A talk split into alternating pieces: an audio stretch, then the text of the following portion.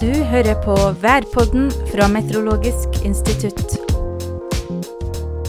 Det siste døgnet så har en tyfon herja i Japan. Men hva er egentlig en tyfon? En tyfon det er et tropisk lavtrykk. Dette er intense lågtrykk som danner seg over varmt hav.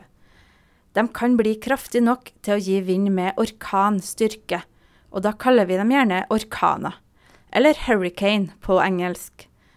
Det gjelder når de oppstår i Atlanteren. Men i Stillehavet så kalles det samme fenomenet for tyfon. I Det indiske hav så sier de syklon.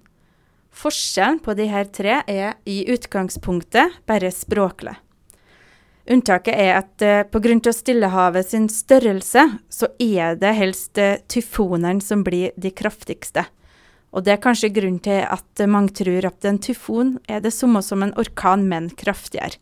Men det er altså ikke nødvendigvis slik.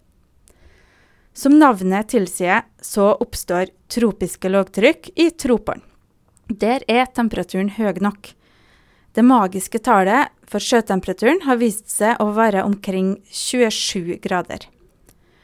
Pga. jordrotasjon så beveger de tropiske lågtrykket seg generelt fra øst mot vest, og så spinner de seg vekk fra ekvator etter hvert som de utvikler seg. I tillegg til ødeleggende vind, så er det òg mye nedbør forbundet med tyfoner og orkaner og sykloner.